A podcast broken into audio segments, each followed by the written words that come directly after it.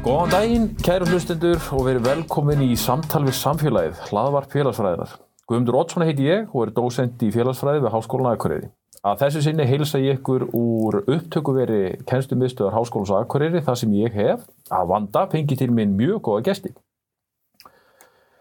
Þannig er mál með vexti að háskólar gegna margþættu hlutverki í samfélaginu og nær það hlutverk langt út fyrir þau efnahæslu áhrif, tækni og nýsköpun sem fólki er gerðnan tíðrættum. Háskólar eru einnig drivkrafta líðræðis en þessi grundvallar hugmynd var kveikjanað velhefnaðri rástefnu sem, fór, sem fór, fór fram á dögunum við Háskólan Akureyri undir yfirskriftinni The Role of Universities in Addressing Societal Changes and Fostering Democracy. Inclusion, Migration and Education for Citizenship. Uh, Anna Ólafsdóttir, dósend í mentavísindum við Háskólan Akureyri og Sigurður Kristinsson og Markus Mekl, professorar í heimsbyggi við sama háskóla, stóðu fyrir fyrirgreyndri ráðstefnu sem fór fram á netinu sögum COVID-19 faraldusins og var afar vel sótt með yfir 90 fyrirlestra og nokkur hundru gesti. Uh, ráðstefna þessi tengist tveimur rannísverkefnum þar sem annars vegar Anna og Sigurður eru aðalrannsækjendur og heiti það verkefni Háskólar og líðræði, gaggrínin greining á borgarlegu hlutverki háskóla í líðræðistjóðfélagi og hins vegar leiðir Markus hitt uh, verkefnið og það heitir Samfjölög án aðgreiningar, spurningamerki, aðlögun innflytjenda á Íslandi. Og báðar ansókunar eru mjög þverfræðilegar og tengja saman félags, hug og mentavísindi. Ég hef í dag fengið þau önnu, Sigurd og Markus til minn í upptökuverið og mun ræða við þau um náms- og starfsfélið þeirra, rannsóknir og viðfánsefni ráðstefninar. Og samtal okkar verður bæði á íslensku og ennsku, þannig við viljum svona, svona skipta á milli. Og ég vil byrja við að bjóða uh, þau þrjú velkomin. Takk fyrir Takk. það. Takk fyrir það. Herru, við byrjum gætna hérna, hlaðvarp okkar á því að spyrja viðmælindur okkar út í hvernig það atvikaðist að, að við komum til fóri í akademíuna og, og forvittnust aðeins um starfsferilin og, og helstu rannsóknir og ég ætlaði að byrja þig, Anna, um að Já. ríða á aði. Já, takk fyrir það. Hvernig ég er komin í akademíuna, já. Það má eiginlega segja, sko, ég, bakgrunni minn eins og komst inn á er í mentunafræðum og, og ég tók B1 próf og starfaði lengi út á vellinum í grunnskólum og tónlistaskólum og svo var það að ég ákvað það að, að mér langaði í framhaldsnám og það var einhvern tíma rétt fyrir síðustu aldamót. Og ég skráði mig sem sagt í framhaldsnám sem að snýri að mentun og notkun upplýsingatækni í námi og kennslu og eh, það eiginlega enda á því ég tók sagt meistaragráðu og kom þar inn í rannísverkefni sem meistaranemi þar sem að, að var verið að rannsaka notkun upplýsingatækni í námi og kennslu á öllum skólastíðum, alveg frá leikskóla og upp í háskóla. Og ég kom inn í háskólapartin á samt ásrúnu Mattíasdóttur í háskólanum í Reykjavík. Og en við skrifum sem sagt, sitt hvort við unum ekki verkefni saman, heldur var ég sem sagt að rannsaka e, notkun upplýsingatækni í námu kjensli í háskólanum á Akureyri. Og eh, svona á þessu tímabili þegar ég var í þessu námi var ég kolli hérna inn í kennslu sem að leti svo af sér að, að hérna, ég kom hérna inn í starf eh, 2000 sem verkefnastjóri fjarkenslu. Byrjaði þar. En eh, ég held áfram og fór í doktorsnám og þá fór ég sem sagt að einbytta mér og hef í rauninni verið að einbytta mér að rannsóknum á háskólanámi og kennslu, háskólanámi og kennslu alveg síðan. En þarna í doktorsnáminu þá fór ég að rannsaka hugmyndir háskólakennara um hvað fælst í gæðum kennslu, þess að því góður í háskólakenslu og hvaða þættir svona ytri og innri hafa áhrif á það hvernig þeim gengur að vinna út frá þe þeirri hugmyndafræði sinni. um það hvað er góð háskólakensla. Og ég lauk dóttursnáminu núna 2014 en ég kom inn í uh, háskólan uh, sem akademísku starfsmæður, færði mig í rauninni yfir, sóttum akademíska stöðu árið 2004 og hefur verið í því síðan. Þannig að þetta er svona ferillin. Þetta er ferillin, já. já. Og, og þetta nú heldur betur mjög svona hagnýtt hérna, rannsóknar viðfáðsefni verið að skoða upplýsingatækni fyrir þarna, hvað, meira en 20 árum síðan sko. og þetta er náttúrulega það sem heldur betur mótar, mótar hérna, starf háskóla í dag. Já, kannski maður segja þá og líka bara það, þessi kjenslufræðilega áhersla að, að upplýsingatæknis í verkfæri kjenslufræðinar og það hefur síðan náttúrulega haft svo mikil áhrif á mitt eigið starf líka sem háskólakennari og, og svona átt svolítið hugminn allan í mínum rannsóknum að horfa á sagt, kennslufræði háskólakenslu. Einmitt og stundum er nú talað um að þessi svona ákveðin svona, getur verið aldrei svona spenna þarna á milli sko að, að stafræna tæknin sé aldrei farin að stjórna frekar en þetta sé þjótt sko þarna kennslufræðina sko. Já, Þannig að þetta er mjög áhugaverð. Því er haldið á, svolítið á, reynda að halda á lofti að, að við töpum ekki af þessum kennslufræði kjarna í að horfa á upplýsingatæknina sem verkværi meira en en í raunin án stýri. Einmitt.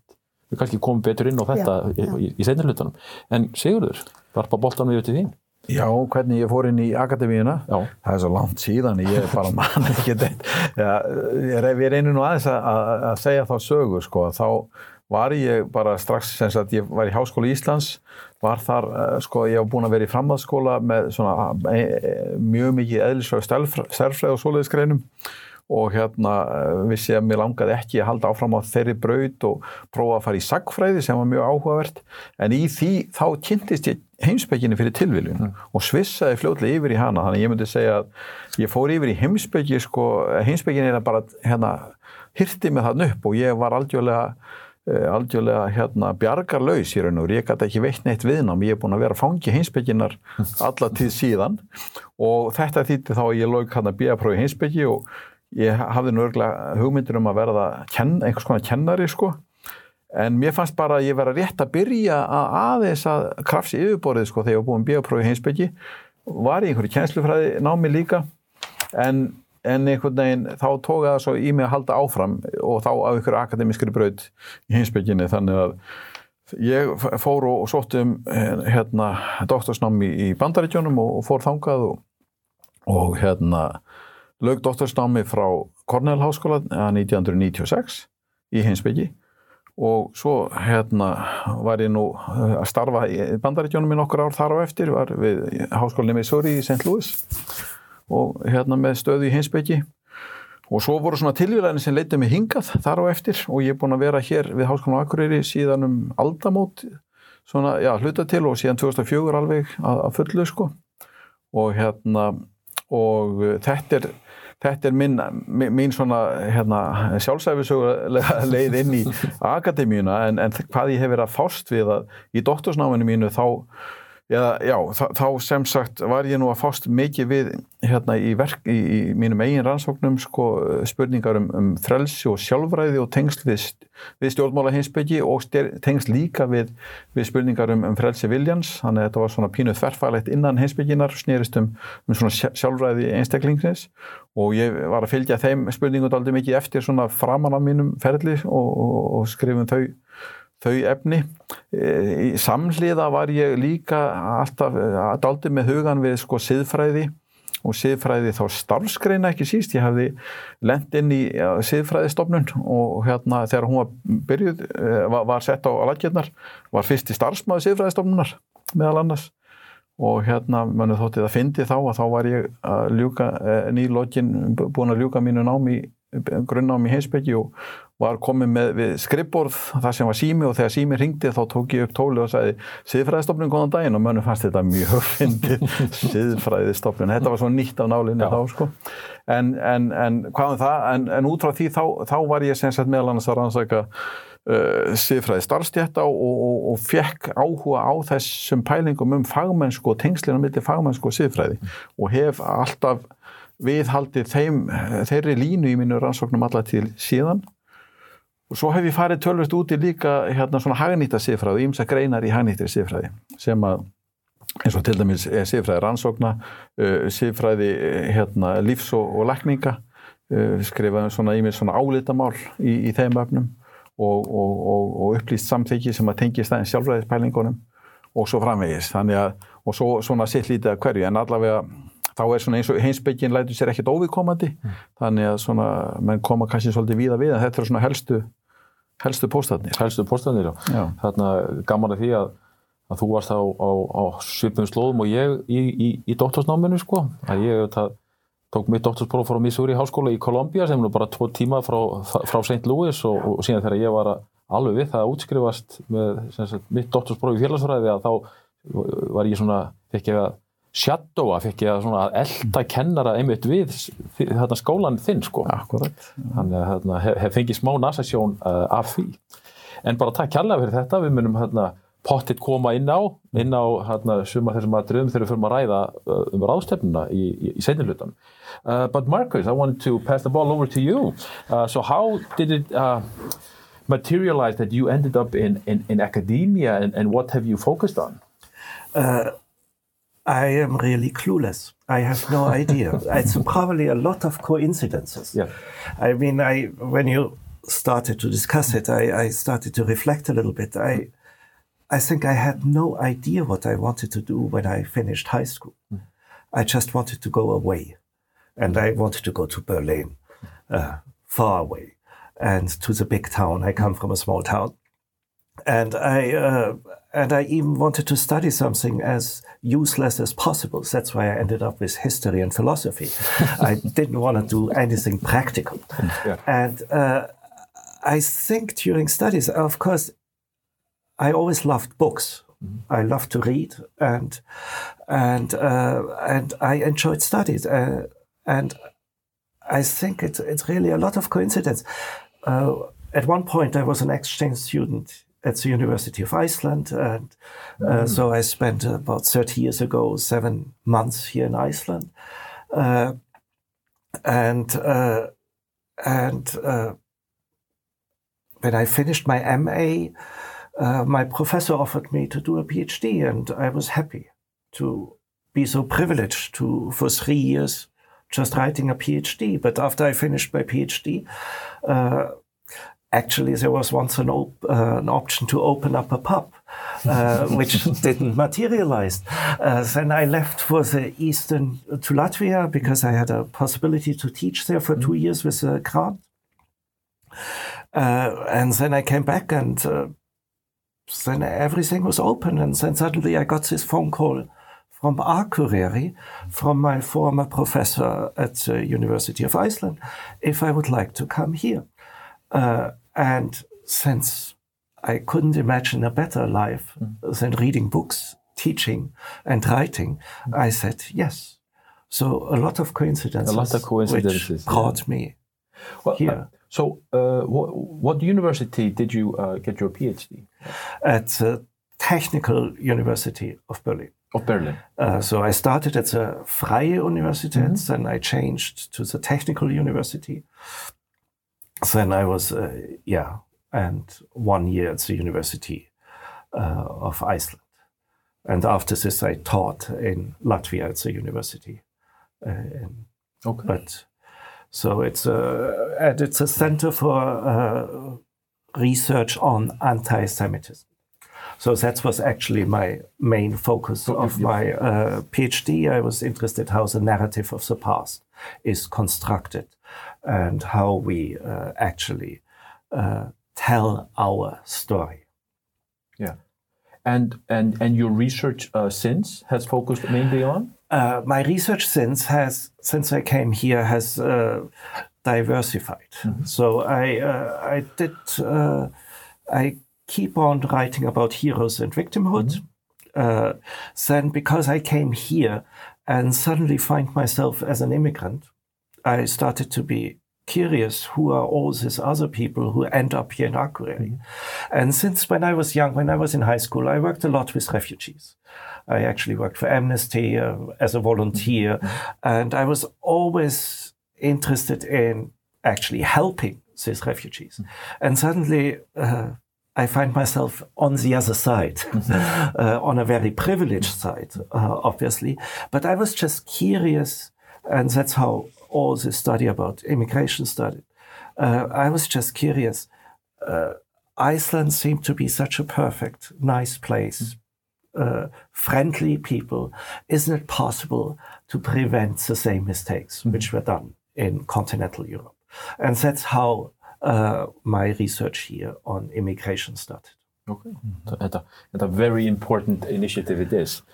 Um, ok, nú myndi ég vilja aðeins einmitt ræðum hérna rannísverkefni og, og Anna og, og Sigurður, þið eru sagt um, aðal rannsækjandur í sagt verkefninu háskólar og líðræði og hvort þið getur sagt okkur svona aðeins svona upp og ofan af þessu verkefni. Og ég, ég byrja Já, e, þetta er verkefni sem að á sér nú svona forsögu að e, það var búin að vera rannsóknarhópur hér við Háskólanum Akureyri að, að einbjönd sér að, að rannsaka samfélagslegt hlutverk háskóla og, og hérna e, nokkra greinur íslensku sem meðal annars sem komu út e, úr því verkefni. E, og þar vorum við sem sagt að já, velta því fyrir okkur sko hvernig, hvernig við erum að hugsa um og hvernig fólk almennt sér fyrir sér og praktiserar þennan þátt háskólastarfs sem að snýr að þjónustu einhvern veginn háskólans við samfélagi. Þetta er alltaf inn í, inn í allir orðræðu um háskóla verist vera, alls konar stefnumótuna, stjölum og, og, og, og slíku og almennri umræðu en uh, það kemur ljós að þegar þessi þáttur háskólastarf sem borin saman við kjarnaþættina rannsóknir og kennslu þá er þessi þriðji þáttur sem stundum er kallaður oft álitið í lausulofti, illa stílgrendur, illa einhvern veginn integreraður inn í kerfið sko, sem heldur utanum starfskildur og, og, og, hérna, og umbunarkerfi og annað hjá starfsfólki og hérna þannig að það, það er sá þáttur og um, hlutverk háskólan þá í samfélaginu því allir eru tilbúinir að taka undir stór orðið um það að háskólan séu mikilvægi fyrir samfélagið. Mm. en það, það er svona svolítið skrítið hvað samt sem áður þá þessi sem á að vera svona mikilvægi þáttur af hverju er alltaf látið af hverju, af hverju er látið undir höfuð leggjast? Að gera hann þá hátt undir höfuði og, og sjá til þess að hann nái fram að ganga. Þannig að þessar spurningar voru, voru mjög til umræðu hjá þessum rannsóknarhópi sem fyrir var mm. sko, sem að var eh, sam, samstarf, já það var samstarf í Háskóla Íslands líka en það var mjög gott fólk bæði hér og, og, og við HÍ sem að, sem að koma því Nú síðan þegar við vorum búin að vera að gera mikla könnun uh, og kannanir og gagnasafnanir svona 2013, 12, 13, 14 í því verkefni þá var svona spurningi hvað við ætlum að gera næst og þá var svona missið hverjir uh, höfðu tökka að halda áfram í því og hverjir ekki. Og þá var svona út úr þeirri deglu varð uh, svona það, það, það var til nýrannsóknarhópur sem skaraðist við þann fyrri. Mm. sem er komið inn og aðrir döttu út og hérna einn aðeins sem að reynda, ég má nú alveg segja frá því, sem að einmitt var komin inn í þennan nýja hóp í þessir endurstýpulagningu með mjög spennandi hugmyndir, var sagfræðingur Háskóli Ísland sem heitir hérna Guðni Jóhannesson. Og svo allt í hennu bara í miðjum klíðum þá byrði hann sér fram til fórseta að hann dætt út úr þessu, Já. en það er allt í það við fyrir Jón og það, en hérna en, en, en allavega, þá, þá var öflugur hópu settur, settur saman aftur. Og þá var sem sagt fókusunum breytt svolítið, þannig að nú var snýrist þetta ekki um samfélagslega hlutverkið eh, sko, sem, sem, sem held, heldur nána tiltekið um hlutverk þá háskólana í líðræðisluðu samfélagi. Og eh, það er mjög áhugaverð spurning hvernig þetta tvent, hverju tengslinn og hverju munin á þessu tvennu, en þarna vorum við að fókusera þá við settum sama styrkumsók til Rannís og, og, og vorum mjög bara þakklátt fyrir það að fá það brautagengi í fyrstu aðrinu og fengum 30 ára glæsilega styrk og hérna og ég og Anna vorum sem sagt svona eh, PI sem kallaði, svona í fósfæri fyrir styrkin en, en þetta var allt saman mikið samvinnuverkefni allar sem þarna, þarna komu að. Já, má ég bæta þess við svona fyrir hlustundinu okkar að PIs þýðir sko Principal Investigators, ja, svona aðal rannsakendur. Já, fyrir ekki, ég var svo lengi í Ameríku sko, það er alltaf með svona. Já, já, við, við pössum okkar að gera þetta alltaf í hlaðarpunni sko, já. það er mjög breyður hópur sem að hlusta sko. Já, já. einmitt. En, en allavega að, að hérna Já og þá skiptum við síðan í þessari eh, umsóknum rannistyrkin, þá skilgrendu við verkefnið þannig að því, þetta var í þverfaglegt uh, verkefni sem að væri annars vegar með heimsbyggi áherslur og hins vegar mentunafræði áherslur. Og, og, hérna, og heimsbyggilegi hlutin væri að einbeta sér að þá já, spurningum, heimsbyggilegu spurningum sem var hugtökin sem þarna er um að glýma eh, líðræðið sem, sem slíkt, háskólan sem slíkan eh, hvernig skiljum við þessa hluti og hver er, hvernig, er, hvernig er hægt að færa, hvaða rök, rökum er til að dreifa og hvernig er hægt að, að, prófa þessi rök í gaggrinni heimsbyggilegri umfjöllun um, um þessi mál. Og þarna eru sem sagt eh, Vilhelmur Átnarsson við Háskóla Íslands, Guðmundur Heiðar Frímansson við Háskólan á Akureyri og, og, og, svo, og svo ég sem erum þrýr hinsbyggingar í þessu og svo reyðum við einn doktorsnema á sviði hinsbyggi, Jóhann Helgi Hiddal heitir hann, þannig að við erum svona í hinsbyggipartinum og síðan er, er mentunafræði partur hins vegar og annað er svona í, í, í frontinum fyrir, fyrir þann part. Og þar erum við líka njótum kannski góðs að því að þar er líka svona yfir og allt umkring sem er partur af þessum hópi sem er hérna Jón Torfi Jónasson sem hefur mikla reynslu af þessum málum og er, er já hann er alls konar fræðingur þannig hann svona tengir sig við, við báða þættina ef svo má segja og er já. svona ákveði lím og, og, og inspirasjón í þessu öllu saman en Anna, vilt þú kannski já. taka við hér? Svona þessi mentunarfræði hluti svona ég ég hef svona haldið utanum hann og Jón Torfið mitt, hann kemur inn í hann líka mm -hmm. alveg eins og í hinn hlutan og er með okkur þar en auki er, er sem sagt Valgerður Spjarnadóttir sem var í rauninni ráðin í nýdótturstöðu í þessu verkefni fyrir þetta verkefni sérstaklega. Og uh, hún, hún er sem sagt var þá nýdóttur hér við Háskólan Akureyri en er núna í nýdótturstöðu við mentavístasvið sem sagt hennar tími kláraðist í rauninni í haustin, hún hefur haldið áfram alveg í úrvinnslu og öðru með okkur þó eftir það, þannig að hún er virk í verkefninu. Og svo er það Guðrun Geistóttir, dósent á mentavistarsviði í HÍ og hún er líka deildarstjóri kjænslumiðstöðar HÍ og svo ég. Og það má eiginlega segja, mér langar aðeins til að segja frá því að það má segja að svona kveikjan svolítið að þessum þætti var þessi það er sem sagt í annari grein laga um háskóla, um hlutverk háskóla, að þá var, sem er held ég að við mann rétt frá 2006, að þá var árið 2012 bætt inn setningu sem að sagði eitthvað á þessa leið að háskóli undibýr nefnendur til ábyrgrar þáttöku í líðræðis þjóðfélagi og stóra spurningin okkar var hvað fælst í þessu? Og það hefur eiginlega verið svona útgangspunkturinn svolítið í því sem við höfum verið að skoða í þessum hluta. Já, þetta tengir greinilega þess að tvo þætti saman. Sko. Já, og það sem við höfum verið að gera er að við höfum verið að stó, skoða stefnu skjöl, alls konar, og skoða orðræðuna um líðræðislegt hlutverk háskóla í gegnum slík skjöl og höfum byrt einagreinum það í stjórnmála stjórnsísla þar sem að valgerður var fyrst í höfundur og var byrt held í desember 2019 en síðan erum við að vinna við, við tókum viðtöl við líka við 26 uh, háskólakennara, reynda háskólakennara í þremur háskólum. Háskóla Íslands, Háskólum Akureyri og Háskólum í Reykjavík. Og erum sem sagt að vinna úr, úr þeim gögnum. Við erum að skoða hugmyndir þeirra mm. um líðræðis, hvað bara merkir það, líðræðislegt hlutverk áskóla, hefur hann líðræðislegt hlutverk og við höfum verið að skoða alls konar þætti eins og það bara hvernig, eh, hvernig byrtist það í kjænslunniðinni að undirbúa nefnendur og hvað, hvað merkingu leggur þú yfir höfuð í þessa setningu. Það eru alls konar svona spurningar sem við höfum verið að vinna með og, og út af þessu hafa komið að mörg þemur sem við erum síðan að vinna með áfram. Og komust svo inn í ráðstöfnuna sem við tölum um á eftir. Sem tölum um á eftir, já. já.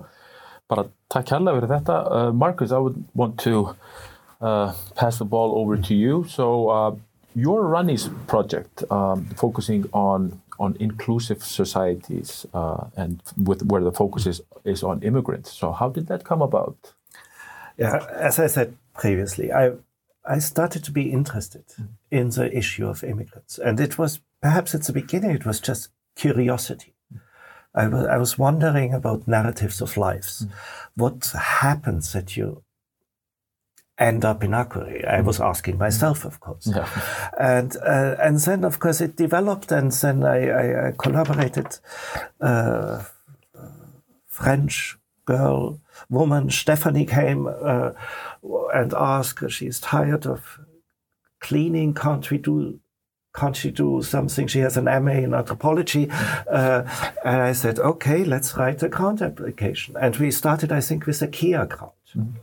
And then this worked out. And then uh, we wrote the next grant application and then the next one and the next one.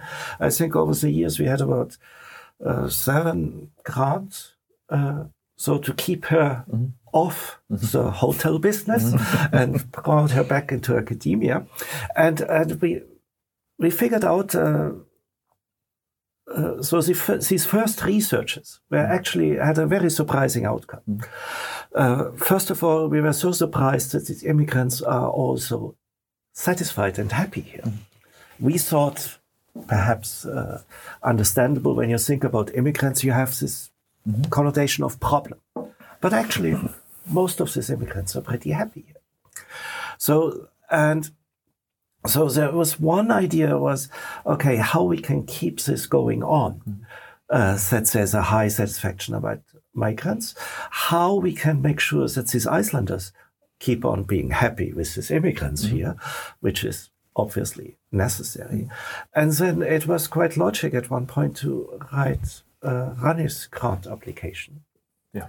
And uh, where we where we tried to bring all this together, bring it, bring our colleagues from the University of Iceland, bring colleagues from Europe into a bigger project where we're trying to understand different aspects of uh, of immigration, the attitude of Icelanders, the attitude of immigrants.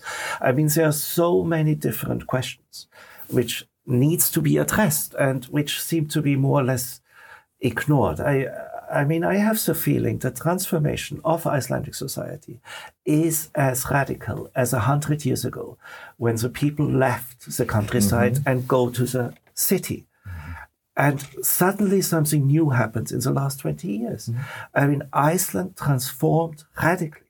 You have now 16% of immigrants within 20 years, these numbers raised. Mm-hmm. So if this keeps on in 10 years, this will be not the same society you knew when you grew up. I mean, that's normal. Normally, society yeah. always changes, but mm. uh, such a change uh, needs to be addressed because you don't want to have tensions. You don't want. Uh, I mean, what all the immigrants love about the country when we interview them. It's so peaceful. It reminds us of our childhood. We can let the kids play on the street. Mm. So and you want to keep this. Mm-hmm. And you don't want to have a segregated society. You don't want to have, I mean, now with COVID, with the crisis, you actually see the first problems. Uh, and, and you, so how I can contribute to it. This was the main idea. And actually, it was nice at the beginning you pointed out inclusive societies, mm-hmm. question mark. Yeah. Actually, we wanted to take away the question mark when we wrote the application. We just forgot it. We wanted to have a statement and not a question, but uh, we forgot it because that's actually uh, we want, but we cannot determine what kind of society you want or how we create this together. Exactly. So and uh, yeah. And, and and you have also students that have been working with you, right? I have a yeah, PhD student, uh, MA student. Uh, we, we try, of course, to bring this. Uh, uh, I mean, that's so perfect to sit at the university. You, mm. you suddenly have people who are interested in this question. You develop this question. You contribute to the debate in society. I mean, this is uh, which I think is necessary. Yes, and uh, I think this is a good time to sort of like segue into talking about the conference because as you as you uh, as you mentioned, uh, Icelandic society has transformed from being in the mid 1990s less than 2% of the population were of immigrant descent. Okay, now you pointed out it's 16%. Like this is oh, you know, about a quarter of a century, which is a, a blip mm-hmm. on the on the radar when we look at you know uh, uh, you know how societies develop uh, over time. But uh, a democratic society also needs to you know be a representative society.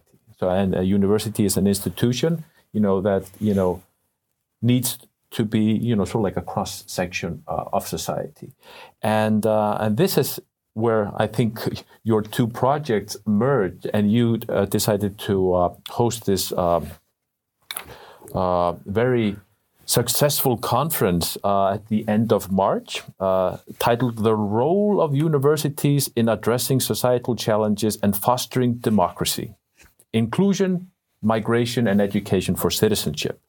And and the question uh, spurningin, mm. svo, svo ég skipti á íslensku, spurningin sem að mér fænist svona taldið svona að keira þetta er þessi eh, háskóla sem drivkraftar líðræðis, það er kannski að varpa spurningun yfir til þín eh, Sigurður, já að hvaða leiti eru háskólar drivkraftar líðræðis? Já, þetta er þetta ég er sammálegar að þetta er ákveðin drivkraftur í þessari spurningu. Mm. og, og hérna kannski pínu augrandi að setja þetta eh, svona, svona stert fram. En uh, það, þetta er ekki ný hugmynd. Háskólum Sagt, nútí, háskóli nútímans mm. er, er liðlega 200 ára gammalt fyrirbæri sem var náttúrulega hefur verið í, í, í þróun og, og á 19. öldinni til dæmis og, og, og byrjun þeirra 20. í, í bandaríkjónum að þá voru mjög sterkar hugmyndir um tengslinn á milli líðræðis, þessa til til unga líðveldis í bandaríkjónum mm. á þeim tíma og háskólana og við, við höfðum líka afsakið, eins og ég upphæfið 20. aldar sko hugmyndur um mentun og tengdust líðræði líka mm -hmm. eins og hjá John Dewey sem kemur líka frá frá bandaríkjónum eh, þetta, þessi, það, það hafa alltaf, hefur alltaf verið vitund um það, að það, það sé einhver mikilvæg tengslan á milli en sem drivkraftar líðræðis að þá er spurning hvað, hvað er það við háskólana ímyndum eh, okkur líðræðislega samfélag, það sem ekki væru háskólar. Það er kannski einlega til þess að, að hugsa um þetta. Eh, þá í hverju myndi líðræði felast, já það myndi vantalega felast í því að við værum með með einhvers konar aðkomi almennings að eh, stjórnum samílæra mála, stjórnum ríkisins. Og aðkoma væri vantalega í formi já, kostninga líklega mm. og, og, og þeir sem vilja láta kjósa sig, þeir varu að, að hérna keppa um hilli fjöldans með, með öllum mögulegum ráðum og svo þegar þeir koma til valda, þá myndir þeir reyna að koma sínum, uh, sínum vilja til framkvæmda.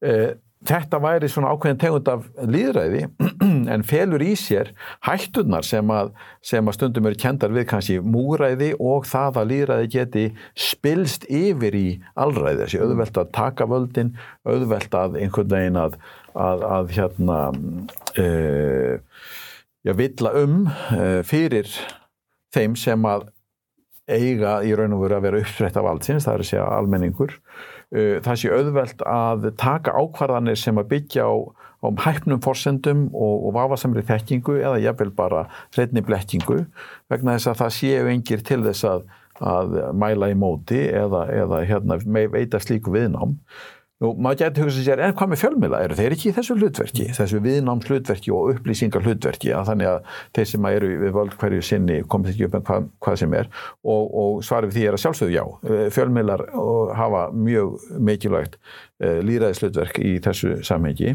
en fjölmilar eru ekki að samu háskólar. Fjölmilar eru ekki sagt, mentastofnanir sem að einhvern veginn eh, sko hafa þessi gaggeru áhrif á, eh, á, á þá sem eru partur af, af, af, af segja, gaggjur á áhrif á nefnendur og, og samfélagið eins og háskólinn, eins og háskólinn hefur. Eh, Þe, þeir eru með sitt hlutverk og háskólinn er með annað, fjölmiðlar stund ekki rannsóknir með sama hætti og fjölmiðlar uh, hafa ekki kannski möguleikana sem háskólar hafa á að skapa sér svona autoritet og, og, og hérna rödd sem ekki er hægt að að, að, að hérna, leiða hjá sér í samfélaginu um hinn ímsu málefni sem þarf að ræða. Og þess að ef þú ert með rannsóknir og ef þú ert með háskólasamfélag sem er partur af alltjóðlega samfélagi, þá þá, þá þýðir það að þú ert að byggja fagmennsku og sérfræði þekkingu sem að þú getur ekki, ef einhver sérfræðingur segir að þetta sé svona ekki hins einn, þá, þá er erfitt að segja, já þetta er bara þín skoðun, ég hef einhverja aðra skoðun á málinu, já. þó að fólk segi það já. nú til dags og það er náttúrulega mjög ísíkilegt og eina af ógnum líðræðisins í samtímanum á mínum að þetta er, er svona Uh, aukin uh, hérna sem maður myndi vilja kalla vitspjónulega einstaklingsheikja sem stundum svona miskilin gaggrinnin hugsun það sem fólk segir ég ætla bara að trúa því sem að ég ákveða að trúa einhvern veginn eða því sem ég hef sjálfur beina reynslu af þess að vantraust á sérfræði þekkingu og þetta er ógn við líðræði og akkur er segið það, jú, vegna þess að þetta gefur tækifæri þeim sem sem að vilja ástunda sko líðræðið með þeim hætti sem á endanum grefur undan því. Já. Þannig að sko þetta er bara svona ein leið til þess að svara því hvaða máli skipta háskóla fyrir líðræðið. Já, ef við værum ekki með háskóla þá væri líðræðið svo vald í sessi, það væri svo, það væri svo auðvelt að grafa undan því með ýmsum hætti. Já, þannig að, þannig að háskólar með því að, hérna, að kenna til dæmis gaggrína hugsun mm -hmm. og hjálpa svona til að standa vörð -hmm. um líðræðið sko. Já gera það og, og, hérna, og nú hefur náttúrulega ég talað um sögulega þróun háskó, nútíma háskólans e, eitt partur af þeirri þróun náttúrulega síðust áratugum er þetta sem er kallað á ennsku massification, þar sem að í staðin fyrir að sé bara einhver svona elita einhver svona lítið partur af þauðfélaginu sem að uh, nýtur háskólamöntunar að nú er það bara allir meira hluti fólks. Og, og þar með eikst enn þetta líðræðis hlutverk og möguleikar í raun og voru háskólans að nýta þá þetta tækifæri til þess að hafa áhrif á uh, hérna, líðræðis hefni borgarana. Já, en ef ég sendi boltan yfir þig, Anna, sko, þarna einmitt kemur kannski beintenging við, við þetta sem var bætt við lögin ekki satt 2005 mm, að, að, að, að þessi hlutverk háskóla svona að komur að segja, að menta gaggrín þengjandi uh, þegna í líðræði samfélagi og, og, og hvernig byrtast, veist, hvernig hafa kennarar tekið þessari áskorun ef við getum kallað? Mér, fannst, mér finnst þetta sko mjög áhugaverð pæling að, að, að hugsa um það. Að þarna kemur inn ákveðin setningarluti sem að greinlega er settur að nynna því að hann er bara álitið mjög mikilvægur. Og þarna er tala sérstaklega um þáttöku í líðræðis þjóðfélagi og hún eigi að vera ábyrg. Og þess vegna fannst það okkur svo mikilvægt og, og, og áhugavert að, að reyna að skoða hver er orðræðan um líðræðislegt hlutverk háskóla, íslenskara háskóla, við mhm. beindum aðtiklina því. Og, og þannig að það var, var til þess að við fórum að skoða þessi stefnumótunar skjöl um háskóla. Og e, það má eiginlega segja að okkur fannst þessa nýðustöðu sem við fengum benda til þess að, að það væri svona svona hugmyndir um líðræðislegt hlutverk háskóla í þessum stefnuskjölum væri svona frekar ómótaðar og svona óljósar. Og var ekki skýrt. En okkur fannst þessi stefnuskjöl sko endur speikla samt ákveðna líðræðis áherslu en þrástefið var meira má segja um gæði og samkefnishæfi eða hæfni það, svo áhersla skeiði svolítið á þetta og þá komum við kannski að þessu svona neoliberal mm -hmm. nýfrjálshyggju uh, hugmyndum sem hafa verið talsvert gaggrindar að, að hérna sem að margir segja að sé farið að lita á mikið stjórnun háskóla og, og svo framvegist þannig að En aðalega þá fannst okkur eins og það væri mikið sko, rúm og svigurum og þurft að skapa meira svigurum fyrir umræðu um þetta hlutverk háskóla, innan háskóla, innan ekki hvað síst. Og svo líka til þess að, að, að sagt, bæði að ræða þetta sagt, í tengslum við stefnumótun og svo líka og sagt, fara með þá umræðu bara alla leið inn á gólfið, inn í deildirnar, inn til akademikarna þessa umræðu um það hvernig undirbúum við nefnendur Já. til líðræðisleira þáttöku eða sem sagt til ábyrgar þáttöku í líðræðis þjófélagi sko, og, og það, það, þeirra spurningar spurðum við sko í, í okkar viðtölum við. og hvað, og, og hvað sögðu þið mælendur ykkar? Já, ég, það er eiginlega svona frekar það eru, eru hérna svona mörg stef Já. sem maður má segja að séu því en um, við, það, það var svona meira verið að spyrja spurninga, þetta er náttúrulega mjög abstrakt Já, hvaða, hvað, hvað hérna þýðir það fyrir þér að háskóli hafi líðræðislegt hlutverk einmitt. þannig að það komu mörg stef út úr því sem við erum eiginlega ennþá að vinna úr Þeir eru enn að vinna úr því Já, sko. já. og, og það kannski þá ekkert skrítið eins og, eins og þau segja að, að í svona stefnumótun og skjölum og þá sé þetta svona frekar laust í reipónu sko, að þá kannski bendi í mér til þess að þessi umræða hún hafi ekki almennlega átt sér stað. Og þó er kannski þó eitt hluti af því að þið haldið svona ráðstefnið með til þess að íta undir þessa umræðu. Já, ég veit að sko ég að var tíu ári í bandaríkjum og kendi þar af sjö og í þeim háskólum sem ég kendi þessum tveimur sko að, að þá var þessu haldið mjög þarna, hátt á lofti sko að þetta væri bara, þetta væri hlutverkið. Að það er að menta gaggrínt þengjandi þjóðfélagstegna að það var bara, það var hlutur nummer eitt. Öll önnur sko fjallu undir það en stundum fannst mér þetta að vera svona meiri gluggaskreiting Já. það er að segja, þetta er búið flott að segja á tillitu En það get ég sagt að, að það má eiginlega segja að það hafi komið fram hjá öllum að, að hversu mikilvægt það væri að efla gaggrína hugsun. Meðal nefnda og síðan var bara rætt um hvaða leiðir eru til þessu svo framvís. Þannig að, að þetta var mjög stert stef í viðtölum við háskóla kennara. Já, þetta, er- Þessi umræða um gaggrína hugsun. Já, og þetta er svona held ég hluti af svona þessari kjörmynd sem að mörg okkar hafa af háskólanum sko að, að, hérna, að, að þetta sé svona grúnudjásnið sko ef, að má nota það uh, orðfæri. Uh, but switching over to, to English, you held this wonderful conference the other day that I was uh, so honored to, uh, to be a part of and you had I think over 90 uh, uh, uh, presentations and, uh, and it um, focused on uh, you know, and, and and the topics were very very diverse, and you had um, uh, you know contributors from from all over the from all over the world. I'm, I want to guess maybe all five, you know, not all five, five of the seven continents, or, or or even six. You know, we we we don't get so far to. Uh, to hope for contributions from Antarctica, but you know the other six. Uh, but uh, Marcus, you know you must be very happy uh, of uh, how well the conference uh, went. Uh, yes, definitely. Because when we started our Hannes project, and probably similar to you, it was the first time that I did such a huge project. And uh, and of course, there were a lot of people who contributed to this project, but you are nervous yes, and you want to succeed. And I think having at the end, and then of course the conference was planned for last year. It didn't work out because of COVID, and and so uh, actually it was such a relief that it worked out so well, and that you had all these people who who came together. Of course, you missed the social component. Yes, of course. but uh, and and once again, it also explain. It also helps you, especially if you sit here in Akureyri, mm-hmm.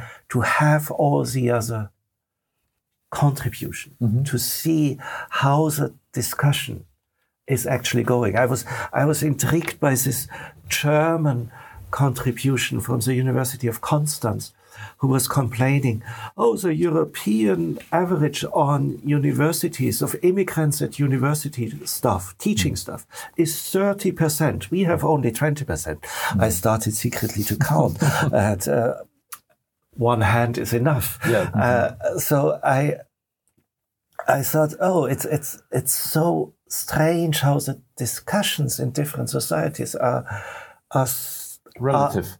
Yeah. relative and on a very different point of view, uh, uh, time. Uh, uh, I mean, and what fits so well with your project together. I mean, the role of the university. I mean, uh, it's no wonder that the university is called University of Iceland. It was a national project to promote Iceland, and suddenly, uh, how do how does this university react to these immigrants also as well?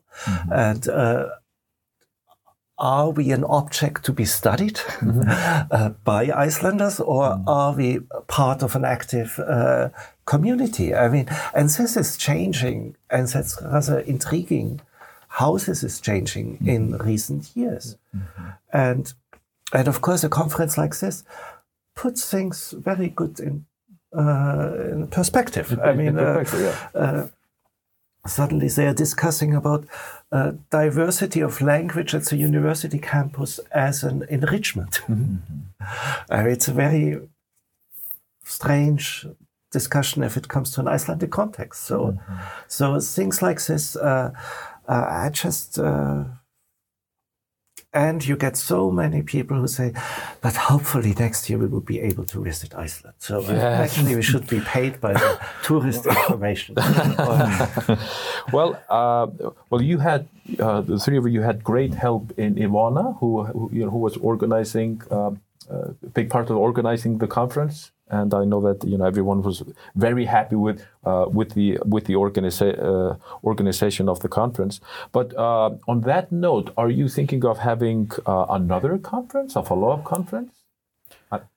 Uh, já, sko, þetta hefur komið til tals og, hérna, en ekki ofnbelja það er þá í fyrstskipti núna. En, en, en við eftir ráðstöfuna þá sendum við út bara örfa á spurningar til þáttakenda svona hvernig þeim hafi líkað og annað því. Og vorum með inn í því þeirri eina spurningu um það hvort að þau myndu uh, getur hugsið að koma aftur á aðra ráðstöfnu eftir að COVID líkur og koma þá í einn personu og ég, ég er ekki búin að sjá niðurstöðunar úr þessu, ég veit ekki hvort það eru endilega komnar. Þannig að við, kannski, við kíkjum á það og ef Já. það er áhugi að þá hérna hver veit sko nema við verðum með svona follow-up I think it would be a brilliant idea mm. because also what is necessary is continuity mm -hmm. not having it a one a one-off thing yeah. one-off having because the people you met it, it was actually quite intriguing mm -hmm. after two days online you start to uh, yeah. see people again even on the image mm. and you have the feeling oh it might be a good idea to meet in person, to exchange in person. And I would be more than happy to yeah. continue this. Well, I, like I didn't want to put you on the spot or anything, but you know, I, have only heard you know good things about the conference and and and and talking about you know universities as a driving force for uh, democracy and and having. Um, uh, a, uh, a conference like this, you know, virtual because of COVID, but you know, uh, it it is the lifeblood mm. of a university to have you know an exchange of ideas especially a university located in the northeast of iceland. Mm. you know like this is our lifeblood to be able to you know um, have these exchanges uh, with uh, uh, with people from uh, from abroad. Um, so so i would just encourage you to uh, uh, to to to host you know a follow-up conference. Við gerum það kannski fyrir þig. Já, já. Uh, but uh, I want to continue with uh, you, you, Marcus, a little bit. So, what do you see the role of universities, okay, in in making Iceland an inclusive society? Should we be active or should we be passive on the sidelines? You should promote the discussion about what kind of uh, society you want. Mm -hmm. I cannot answer this. I mean, I think Weber said, uh, it's not my task to tell you which God to follow. uh, it's uh, my task. But it's, I think it's uttermost important to reflect what kind of society we want. Do we want a society where the cleaning staff speaks Polish uh, all over the country? Do we want to have a society where uh, we find it acceptable that uh, the fish factory workers are all immigrants? Do we want to have a society where we can tell this, how we can make them part of the society, mm. or should they contribute? Mm. Or how we, how we, how the society is reflecting this change, mm. and uh, and there are of course some are, are very critical issues like schools.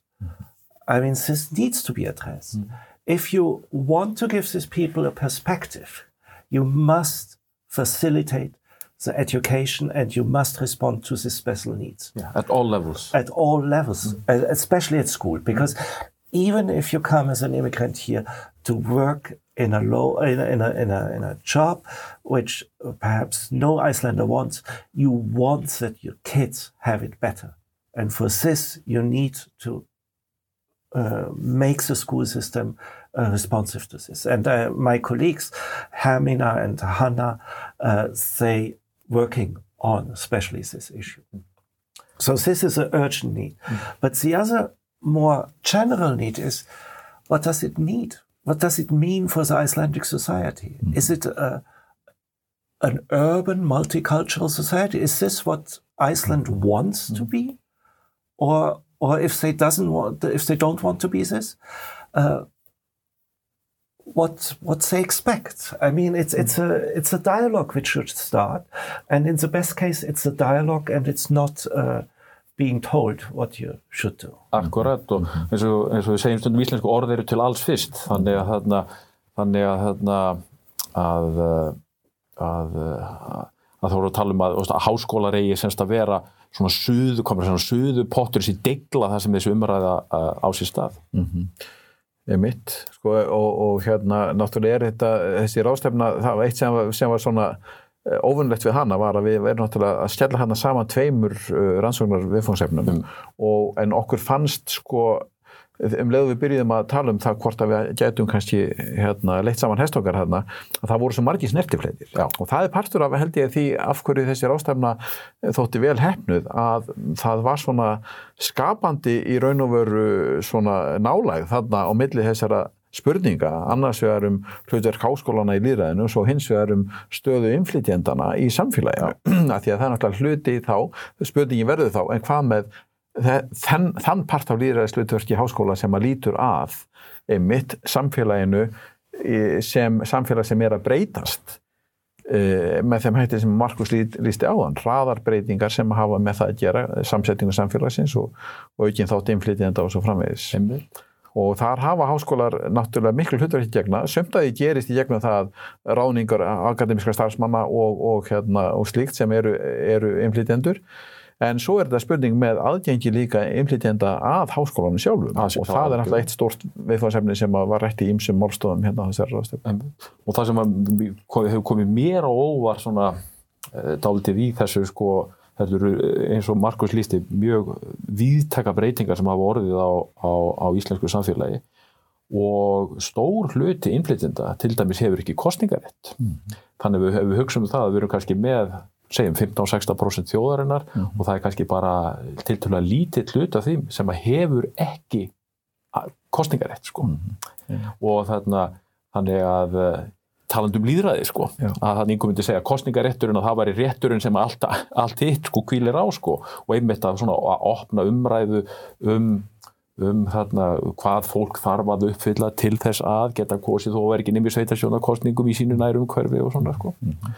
og, og ég held að að þessi tengst þarna á milli uh, einmitt uh, háskóluna annars vegar, líðræðisins og síðan einmitt uh, innflytjenda sko sem eru þá bara samkvæmt skilgeringu til til að ný komni, komni inn í þetta samfélag sko, hvernig er einmitt þetta innvinkla þennan stækandi hóp í, í, í þessu líðræði samfélag mm -hmm. en nú farið að síga á setni hlutan hjá okkur og, og spurning hvort að þið hafi eitthvað sem þið vilja koma á framfæri á þegar við sláum botnin í þetta. Anna var eitthvað sem að þú vildi segja? Nei, ekki eiginlega þannig við þetta bæta en mér fannst hérna af því að þið voru að tala um hérna þessa, þessi tvö verkefni sem var svona steift saman í þessar rástefnu eins og Sigurður sagði að það var svo áhugaverst að hvað hvaða voru sko ótrúlega margir snertifletir. Já. Þannig að það, það, það eitt segir okkur hvað þetta er í rauninni, hvað málefni sem snúað inflytjandum eru mikið líðræðismál. Já. Það, það, og mann eftir því þegar við vorum að, að hérna rafa inn erindunum inn í málstofu, þá vorum við stundum býtu, þetta getur átt verið bara hverju meginn sem er, af því við vorum nú að reyna aðeins að flokka þetta niður, en það, það var eiginlega. Oftar en ekki að þá voru við svona í halginum, það fannst okkur þetta bara eiga heima báða megin, sko, begja megin. Já, já. En uh, við erum náttúrulega afskaplega ána með þessa ráðstöfnu. Okkur fannst hún ganga alveg reynd, ótrúlega vel og, og hérna, mér finnst það alveg briljant hugmynd að velta fyrir sér að, að taka þetta stefu lengra. Já. Það er svona sem ég vildi koma framfæri. Koma framfæri.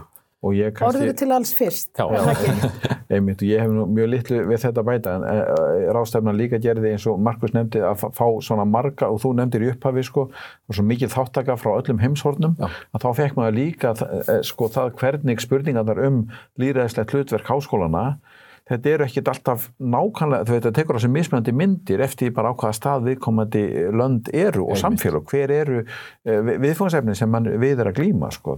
Þannig að til og með eitt stórt efni er, er hérna svona af nýlendu eh, væðing og Já. þróun og það allt saman sko.